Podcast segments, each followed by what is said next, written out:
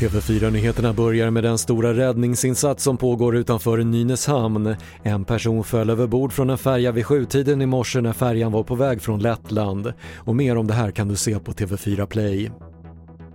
Det är fortfarande oklart vad som låg bakom knivattackerna utanför norska Sarpsborg i närheten av svenska gränsen vid Svinesund i natt. En kvinna avled och två kvinnor skadades och enligt polisen kände ett av offren igen gärningsmannen som greps i en bostad. 12 000 människor har felaktigt satts i karantän i Israel efter att en app varnat för att de varit i kontakt med coronasmittade.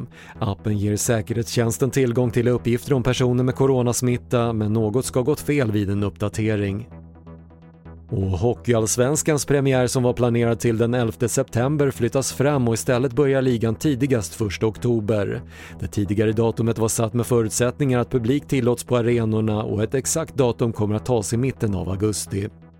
Det var det senaste från TV4 Nyheterna. Jag heter Patrik Lindström.